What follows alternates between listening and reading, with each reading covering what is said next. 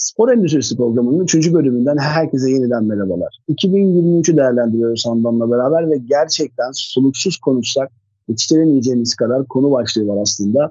Ve biz bunların önemlerini e, kısa kısa hatırlatarak sizlere sunmaya çalışıyoruz. Ama bunların tamamını bence internet ortamında tekrardan izleyebileceğiniz müsabakaları varsa bunları izlemenizi veya bu notları tekrardan bir gözden geçirmenizi istiyorum.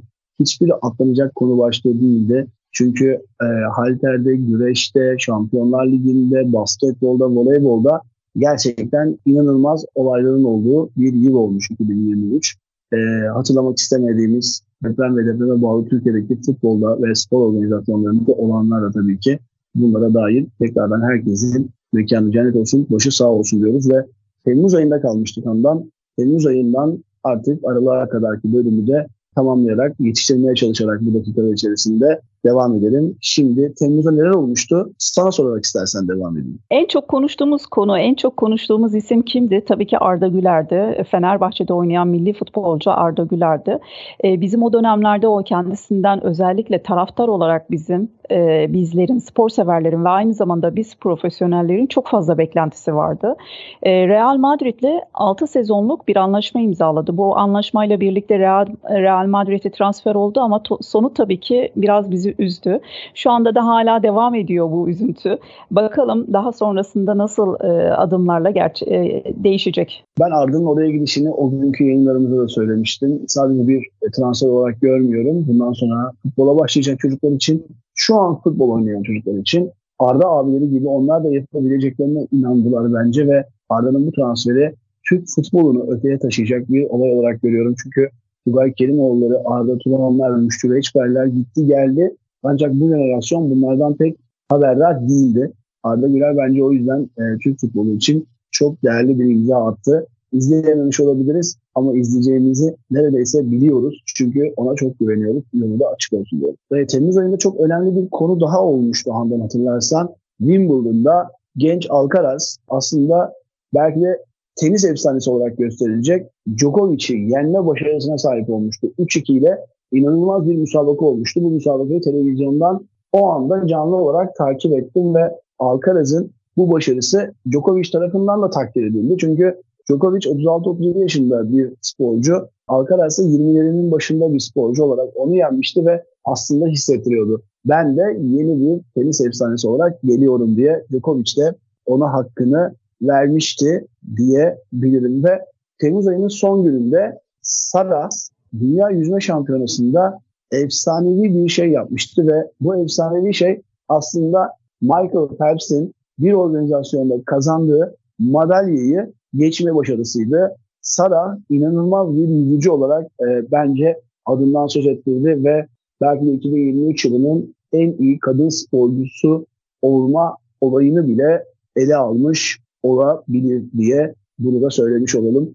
Ağustos ayında geldiğimizde bizim e, yüzücümüz var Sümeyye Boyacı ve o da para yüzmede üçüncü olarak önemli bir başarı e, sergilemişti. Sümeyye'yi de bu şekilde hatırlamış olalım ve 7 Ağustos'ta Mete Gazoz, e, Mete diye bir sporcumuz var. Mete Gazoz diye hatta Gazoz olma efsane ol diye kendi adına çekilmiş bir reklam da var. O da dünya şampiyonu olmayı başarmıştı. Olimpiyat başarılarından sonra gelen bu e, başarı da Türkiye okçuluğu için önemli bir başarı diye düşünüyorum. Sen ne dersin? Kesinlikle öyle. Mete Gazoz e, bizler için hani veda ihbarımız diyebileceğimiz e, bir isim açıkçası. E, hatta Vargas'la birlikte de son dönemlerde bu şampiyonluklar sonrasında ortak bir reklamda da oynadılar ve reklamlar hala dönüyor şu anda. Her iki başarılı insanın Türkiye'yi temsil eden iki insanı, sporcu insanının ekranlarda görüyor olmak gerçekten bizim mutlu ediyor. Her şeyden ötede Türkiye'ye ve bu şampiyonlukları, bu başarıları getirdikleri için de minnettar kaldık biz çokça. Aysun da gene aynı tarihlerde Aysun Türkoğlu denizi geçti biliyorsun Manş denizini geçti ve orada da önemli bir başarı elde etti. Bunu yapan ilk kadın sporcu olmayı başardı ve bizim için de Aysu önemli bir başarıyı elde etmiş oldu. Döndüğümüzde Ağustos'ta gene Şahika Ercümen var. Türkiye rekoru kırarak dünya üçüncüsü oldu. Şahika da çok özel bir sporcumuz aslında. Ve Eylül ayına geldiğimizde Sırbistan'ı 3-2 yenerek Filenin Sultanları kupanın sahibi oldular ve Çev Avrupa Kadınlar Şampiyonu olmayı başardılar. Zaten Filenin Sultanları almadıkları kupa bırakmadılar e, 2023'te ve dünyanın bir numaralı kadın voleybol takımı olmayı başardılar. Filenin Sultanlarını nasıl tarif etmek gerekiyor ben bilemiyorum açıkçası yani. E, muazzamlar, muazzamlar yani. Olimpiyata gitmeye de hak kazandılar bu arada yani. Yani bütün spor severler, bizler, sporu sevmeyenler bile öyle diyelim, sporla iç içe olmayanlar bile filenin sultanlarını arka planda o kadar çok desteklediler, o kadar çok konuştular ki yani bu başarı sadece filenin sultanları değil aslında bizim ülkemizin ve bu ülkenin vatandaşı olan herkesin başarısı gibi biz bunu sahiplendik ve daha doğrusu bize bunları yaşattırdılar her şeyden öte ve bunun da etkileri olarak da birçok kez de konuşuldu, birçok farklı anlaşmalar da yapıldı. Hani bunun e, spor ekonomisine de ciddi bir katkısı da oldu.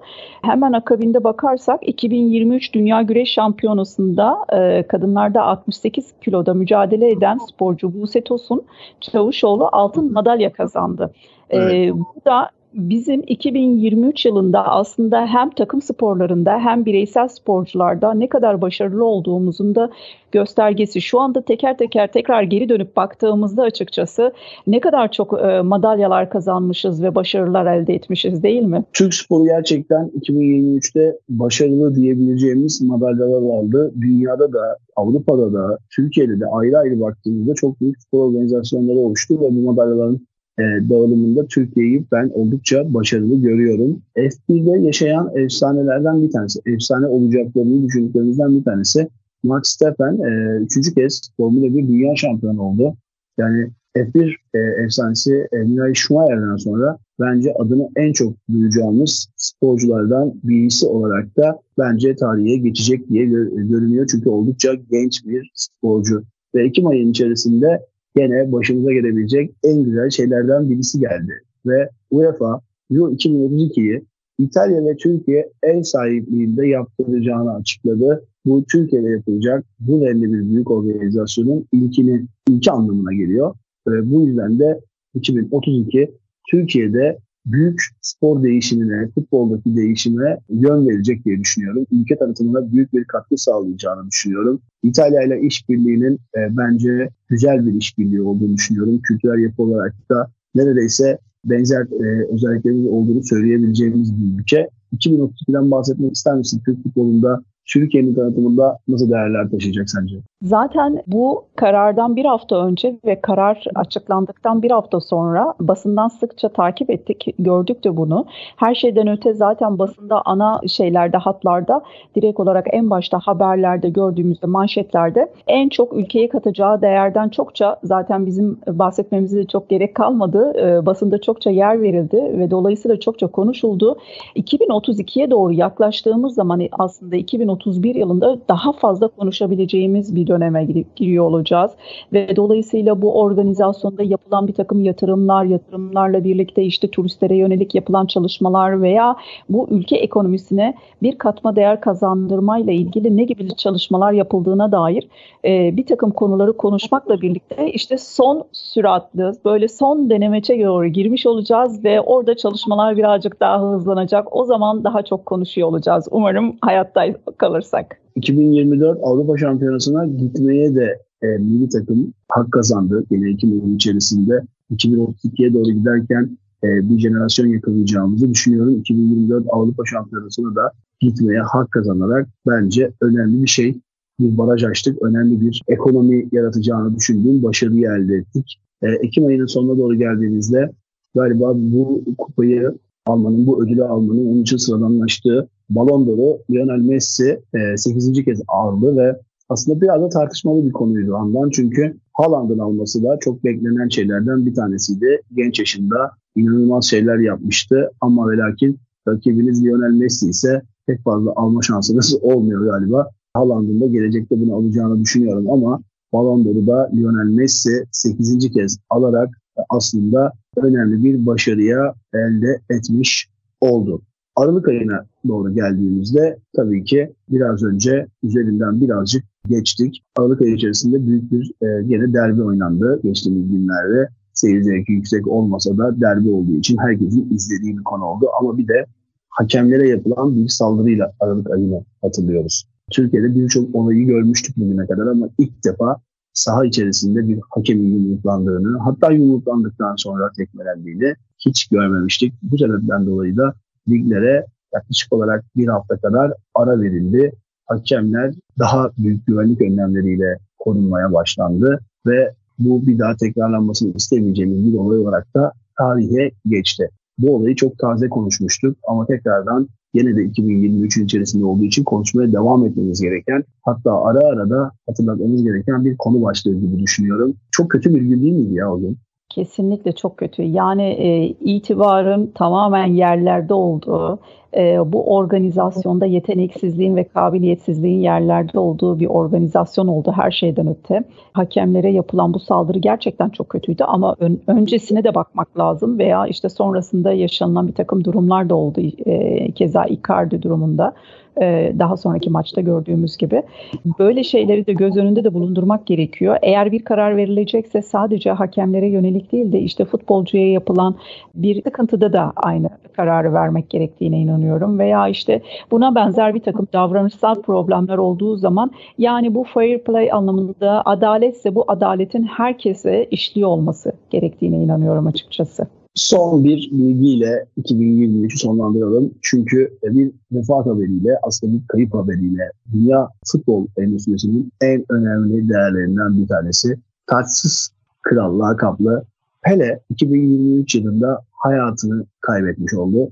Ve Pele'nin de hayatını kaybetmesiyle beraber aslında bir perdede kapanmış oldu dünya futbolunda. Ee, çok değerli bir sporcuydu, çok değerli bir insandı. Kendisiyle bizzat tanışma şansına da sahip olmuştum. Pele'nin kaybı da oldukça üzüntülüydü. Pele ile ilgili yayınımızın son dakikalarına geliyoruz ama çok hoşuna gideceğini düşündüğüm, senin çok hoşuna gideceğini düşündüğüm, dinleyenlerin çok keyif alacağını düşündüğüm, hatta e, belki de viral reklam açısından ilk reklam diyebileceğimiz 1970 yılındaki bir anı var. Anlatmamı ister misin?